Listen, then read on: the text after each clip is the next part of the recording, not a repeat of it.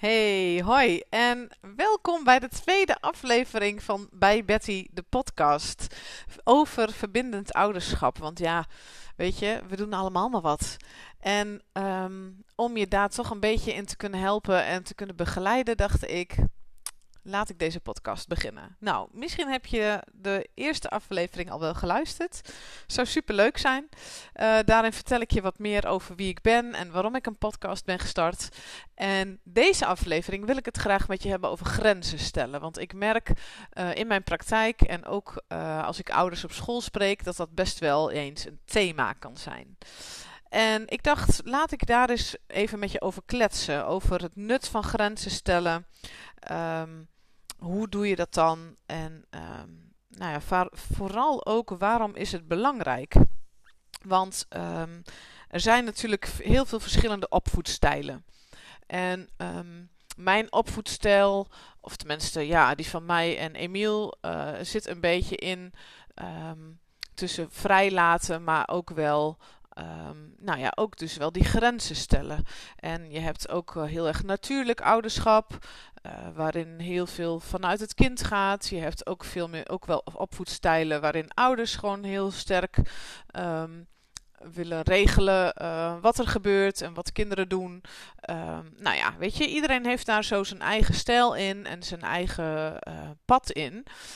en grenzen stellen komt daar natuurlijk altijd in terug. Want um, laten we eerlijk zijn, een kind kan niet zonder grenzen. Kinderen hebben altijd grenzen nodig. Ze gaan ook altijd op zoek naar wat wel en niet mag. Of jij dat nou leuk vindt of niet, dat doen ze gewoon altijd. Um, dat weet je van je eigen kinderen. Nou, als je ooit wel eens met een groep kinderen wat hebt gedaan, een kinderfeestje of zo. Um, nou ja, ik kan uit ervaring spreken als leerkracht. Kinderen zoeken altijd grenzen op. Ze willen weten waar ze aan toe zijn. En laten we, laten we eerlijk zijn, dat is natuurlijk bij ons net zo. Hè? Kijk, wij zijn ook altijd op zoek naar kaders. Wij zijn ook altijd op zoek naar sociale normen en waarden. Naar hoe moet ik me gedragen in deze situatie. Stel je voor uh, dat jij met een nieuwe baan begint ja, dan wil je ook graag weten van oké, nou wat zijn een beetje de routines hier. Uh, als ik bij mijn manager binnen wil uh, lopen met een vraag, kan dat gewoon op elk moment van de dag. Of uh, vindt hij dat helemaal niet fijn en wil hij of zij dat ik, dat ik dat van tevoren even vraag of even aangeef? Moet ik daar een afspraak voor maken? Staat de deur altijd open? Um, nou ja, weet je, kan ik zomaar koffie pakken of is dat alleen in de pauzes? Of nou ja, ik neem aan dat je bij je, bij je werk gewoon altijd koffie kan pakken als je er zin in hebt. Maar um, weet je, je bent als je dan met zo'n nieuwe baan begint, dan ben je in een nieuwe omgeving, je bent met andere mensen en je wilt graag weten wat is wel oké en wat is niet oké. Um, want dat verschilt gewoon heel erg per team, per werkvloer, uh, per onderneming, per bedrijf, noem maar op. En dan ben je op zoek naar die grenzen. Wat kan wel en wat kan niet? En wat gebeurt er als je die grenzen niet hebt? Ja, dan voel je je onzeker waarschijnlijk. Tenminste, als ik dat zou hebben, zou ik me onzeker voelen. Ik zou willen weten waar ik aan toe ben. Um, ik zou heel erg aan mezelf gaan twijfelen dan. Uh, er zijn natuurlijk ook mensen die daar heel rebels van worden. En die dan denken van, nou oké, prima. Dan kan ik alle kanten op en dan ga ik dat ook doen. En dat is met kinderen natuurlijk net zo kinderen hebben ook grenzen nodig. En um, als je ze geen grenzen geeft, of niet duidelijk geeft, kunnen ze zich dus ook heel onzeker gaan voelen. En ze kunnen ook alle kanten opschieten. En heel rebels worden, of heel druk, of heel grensoverschrijdend. Maar dat onzekere, dat twijfelachtige, dat zie je niet altijd. En dat is soms wel eens uh, lastig. Want uh, kinderen kunnen dat ook niet altijd verwoorden. Helemaal als ze wat jonger zijn. Ze kunnen niet tegen jou zeggen, dat zal geen enkel kind zeggen. Nou, ik, heb, uh, ik voel me onzeker, want ik heb grenzen nodig. Dat, gaan ze, dat, dat, dat gaan, zul je niet snel horen als ouder. Dus um, wij zijn daarin. Um, ja, niet helemaal leidend. Maar als volwassene heb je wel de verantwoordelijkheid om een veilige uh, leefomgeving voor je kind te creëren. En dat doe je ook onder andere door middel van grenzen stellen. Ehm, het is dus voor jezelf als ouder en ehm, helemaal als ouders, hè, als je met z'n tweeën uh, bent. Kijk, als je uh, uit elkaar bent en je bent alleenstaande ouder, of door een andere reden alleenstaande ouder, uh, moet je dat natuurlijk in jezelf beslissen. Maar als je een stel bent, is het handig, belangrijk eigenlijk, om met je partner te overleggen welke grenzen, welke regels zijn er in elk geval. En uh, natuurlijk kun je altijd eens een keertje afwijken van een grens. Uh, bij ons is het ook zo dat alle. Nou, wij hebben bijvoorbeeld als regel. We blijven gewoon samen aan. We eten samen aan tafel. En we gaan pas van tafel als iedereen klaar is. En natuurlijk doen we dat ook wel eens niet. Weet je, dat is ook oké. Het is, maar het is gewoon fijn om, die, om dat kader te hebben. Om te weten waar je aan toe bent. En dan is het ook leuk, en eh, soms ook wel eens gewoon extra leuk, om dat dan een keertje niet te doen. Om je een keer niet aan die grens, niet aan die regel te houden. Dat maakt het ook weer leuk. Um, maar het is wel handig dat je die grenzen hebt, uh, zodat je onzekerheid uh, van je kind kunt voorkomen en zodat je grenzeloos gedrag ehm, kunt tegengaan. Uh, net zo lang zeuren of proberen of gek doen tot er een grens wordt gesteld, uh, is voor een kind niet fijn en is zeker voor jou ook niet fijn. Uh, dus het is heel belangrijk om niet zomaar vanuit frustratie, hè, als een kind loopt te zeuren de hele tijd over iets, uh, om dan ineens uit frustratie iets te roepen, een consequentie of een regel, want dan kan het maar zo zijn dat die een beetje overtrokken is. Hè?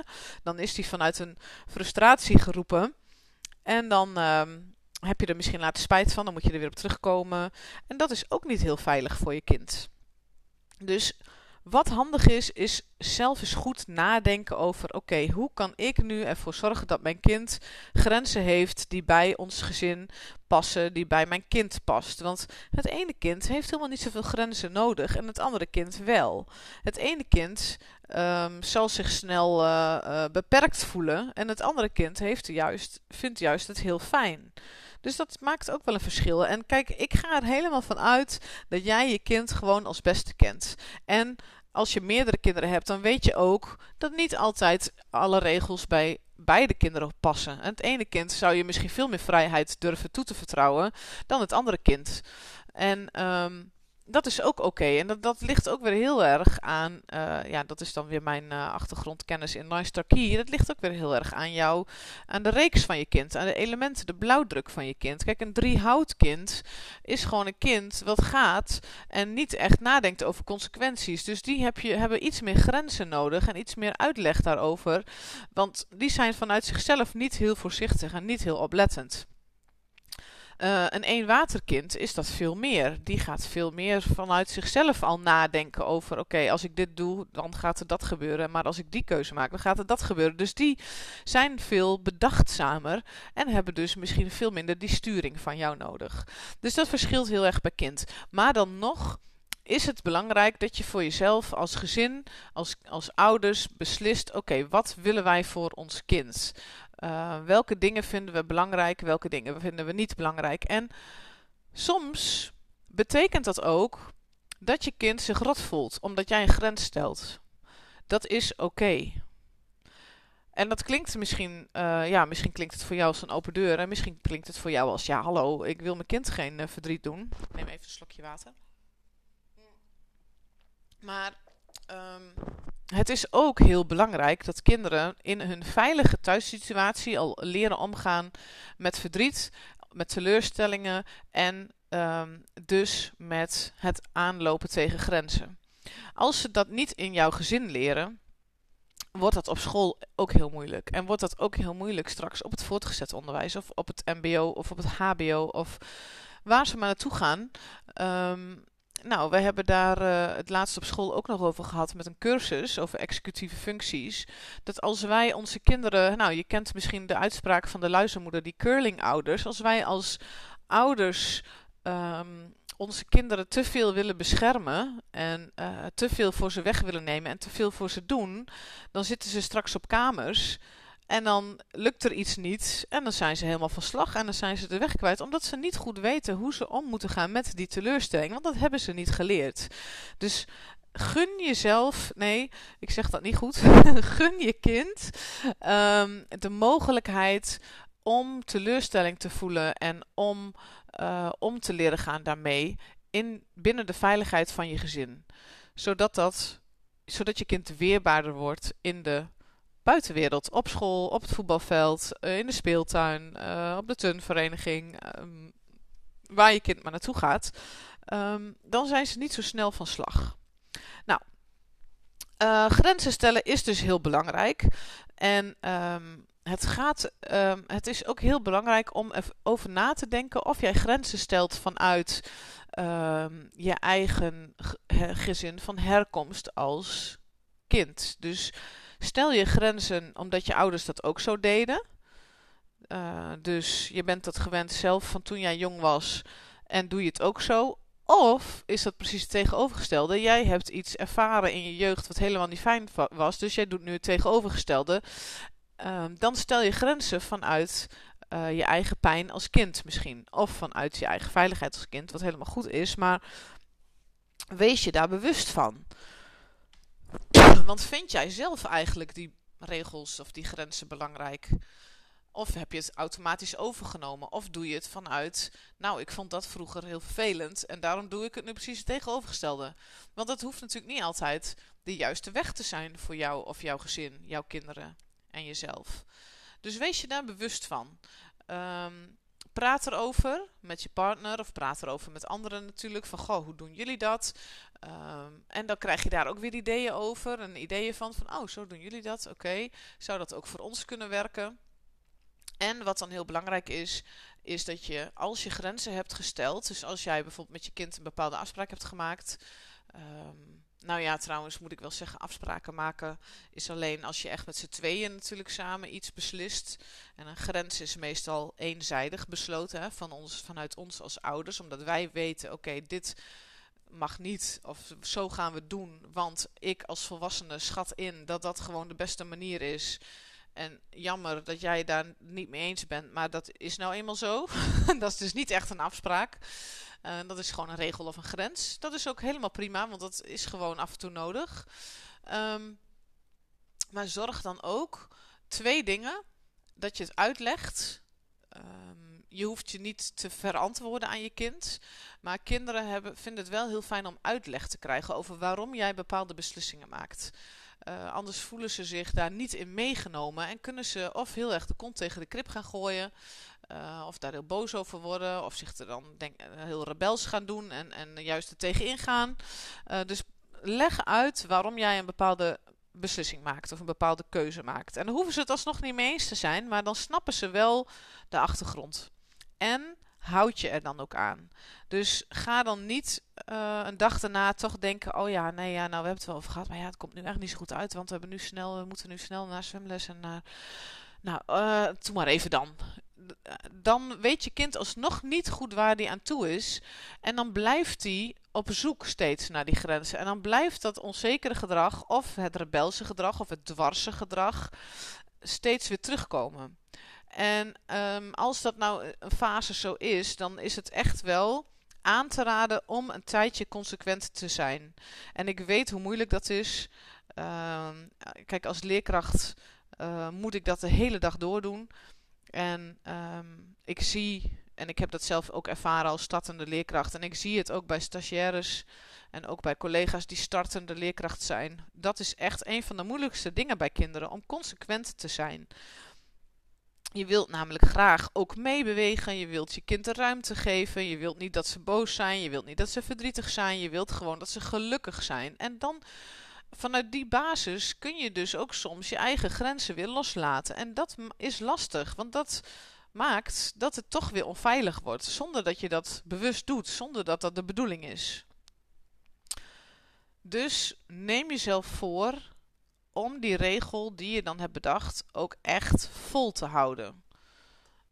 En ja, dat kan, dat kan wel echt lastig zijn soms. Ik neem even weer een slokje, want ik heb een beetje een uh, kriebel in mijn keel.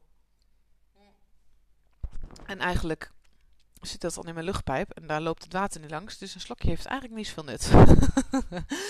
um, ja, nou, dit is dus eigenlijk uh, wat ik met je wilde delen. Um, dat grenzen stellen in opvoeding echt heel belangrijk is, omdat je daar veiligheid mee creëert. En uh, ook al gaat je kind schoppen tegen die grenzen, ook al gaat je kind verdrietig zijn, ook al gaat je kind het er niet mee eens zijn, um, als jij erachter staat, hou je er dan aan vast. En uh, als jij dat heel moeilijk vindt om je daaraan vast te houden, is dat weer interessant voor jou om eens naar te kijken. Want dat is een spiegel voor jou. Hè? Wat maakt nou dat jij het zo lastig vindt om, dat vast, om daar je aan vast te houden? Wat maakt dat jij het moeilijk vindt om een grens te stellen? Um, is dat vanuit je eigen pijn? Is dat vanuit dat je zelf misschien veel te veel grenzen hebt ervaren als kind en je dat je kind anders gunt, bijvoorbeeld? Of um, is dat vanuit uh, dat je je kind uh, verdrietig ziet en uh, dat wil je absoluut niet, want je wil heel graag dat je kind gelukkig is? Nou ja, dat hebben wij natuurlijk allemaal. Kijk, als mijn, mijn zoon, die zei gisteren tegen mij: Wij mogen echt nooit iets van jou. Want we waren zondag in de dierentuin geweest hier in Noordhoorn. Wat meer een kinderboerderij is dan een dierentuin, maar het was echt een hartstikke leuke dag. En um, nou, dan willen we lopen we natuurlijk langs zo'n zo'n winkeltje en dan willen ze een knuffel. maar ja, dat mocht niet. Nou, we mogen ook nooit wat, zei hij voor, voor de dag daarna. We krijgen nooit een knuffel bij de dierentuin. en als we bij de winkel zijn, dan mogen we nooit speelgoed uitkiezen. En we mogen ook nooit een keer overdag tv kijken. En uh, nou, ze mochten nooit wat. en een deel van mij vindt dat super zielig en denkt: ja, je hebt helemaal gelijk, schatje, kom. We, rijden naar de, we, fietsen naar de kruidvat en je mag wat uitzoeken. Want het suffe was dat ik twintig minuten later met ze in de kruidvat stond. En zij gingen natuurlijk bij de speelgoed kijken. En ik was echt in mezelf aan het overwegen: moet ik wat voor ze meenemen? Mogen ze wat kiezen of niet? Maar ik dacht: nee. Nee, nee, we gaan dat niet doen. Want ik weet ook dat ze er hartstikke verwend van worden als ik ze steeds wat ga geven. En tuurlijk krijgen ze wel eens wat. En tuurlijk roept hij, we krijgen nooit wat. Want hij is kind, hij is zes. Hij roept dat op die manier, want hij is zes. Maar hij beseft niet hoeveel die krijgt. En dat is oké. Dat is helemaal prima. Want als ik, ik heb het er natuurlijk met hem over gehad. Van joh, maar hè, toen dit en vakantie. En we zijn naar de dierentuin geweest. En hebben we daar lekker uh, ijsje gegeten. En uh, ja, je hebt toch geen knuffel gekregen. Maar moet je kijken wat, je allemaal wel, wat we allemaal wel hebben gedaan. En hoe leuk het was. En nou, dan snapt hij dat ook helemaal. Um, maar mijn, ergens zit er ook een stukje in mij dat het zielig vindt en dat mijn kind het gunt om een knuffel te krijgen of om speelgoed te kopen. Want het is leuk, dat weet ik. Dat weet ik van mezelf ook nog als kind. Dat het heerlijk is en dat het leuk is. En, dat, en, en, en ik wil mijn kind graag gelukkig zien. En ik wil niet dat hij tegen mij zegt: ik, Wij krijgen nooit wat van jou. Maar ja, ik weet ook als volwassene dat het A niet waar is. En uh, dat het B zijn ervaring is als zesjarige. En dat hij niet overziet hoe zijn hele leven eruit ziet. En wat hij allemaal wel en niet krijgt. En wat wij allemaal wel en niet voor hem doen. Hij heeft geen idee. Nou, dat, en dat hoort bij de leeftijd. En dat is oké. dat is helemaal prima. En ik weet ook wat de consequentie is als ik hem wel van alles ga geven steeds. Want dan wordt hij stront verwend. En dan wordt hij nog zeurderiger. En dan wordt het nog meer zaneke en zeuren om speelgoed. Want dat is, vind ik wel leuk ook om te merken aan onze kinderen. Wij zijn dus best wel duidelijk in sommige grenzen. En ze weten dus ook dat ze niet zomaar wat krijgen. Dus als ze wat krijgen, zijn ze ook al helemaal. Oh yes, helemaal blij. uh, nou lijkt het net alsof onze kinderen nooit wat krijgen. Dat is ook niet helemaal waar. Maar anyway, wij lopen dan in die dierentuin langs die speelgoedwinkel. En natuurlijk komt de vraag: Oh, mogen we een knuffel? En wij zeggen: Nee, nee, we, nemen geen knuffel mee. Oké. En ze leggen zich erbij neer. Want ze weten dat het geen zin heeft om te zeuren, om te zaniken, want ze krijgen het niet. Punt. Dat is het gewoon. En dat um, geeft een heleboel rust. Ze weten waar ze aan toe zijn. En als ze nou gingen zeuren, zaniken en doen, en, dramatisch doen, en ik had dan gezegd, nou oké dan, neem dan maar een knuffeltje mee. Dan uh, uh, was ik die dag daarna dus naar de kruidvat gegaan. En dan waren ze daar, liggend op de grond, huilend, stampend gaan doen. Omdat ze dan bijvoorbeeld geen knuffel kregen. Want ze weten, als ik dramatisch ga doen, dan krijg ik het wel. Dat, dat, en dat doen ze allemaal niet per se heel bewust. Want het zijn kinderen. Ze zijn zes of zeven of acht of vier of drie. Maar um, je werkt dat dan wel in de hand. Want ze weten niet precies waar ze aan toe zijn bij jou. En ze kunnen het altijd proberen. Dus gaan ze het proberen. En wie weet, zegt mama wel ja. Of nee, geen idee. Maar wie weet zegt ze wel ja. En dan heb ik straks een knuffel en dan ben ik weer helemaal blij. En als we dan overmorgen langs de speelgoedwinkel lopen, kan ik altijd kijken. Misschien kan ik dan wel vragen of ik Lego mag. Snap je? En eh, zo bewust gaat het niet, zoals ik het nu omschrijf. Maar je snapt mijn punt wel, denk ik. Als je duidelijk bij je grenzen blijft, tuurlijk roepen ze dan een keer: Ik mag nooit wat van jou. Jij bent echt stom, de stomste moeder van de wereld. Ik mag je, je snapt, je snapt me niet. En, en tuurlijk roepen ze dat, maar ze weten wel waar ze aan toe zijn. En ze, en ze weten ook echt wel, ze weten gewoon wanneer wel of niet iets mag. En natuurlijk zijn ze daar eens een keer het niet mee eens. Tuurlijk. Wij zijn het ook niet altijd eens op ons werk met, onze, met, met de afspraken die daar gemaakt worden of de dingen die we daar moeten doen. En we waren het als kind vroeger ook niet altijd eens met onze ouders. Dat hoort erbij. Dat is het leven. Um, maar als je die grenzen vasthoudt, uh, maak je het jezelf makkelijker en geef je je kind duidelijkheid en daardoor veiligheid.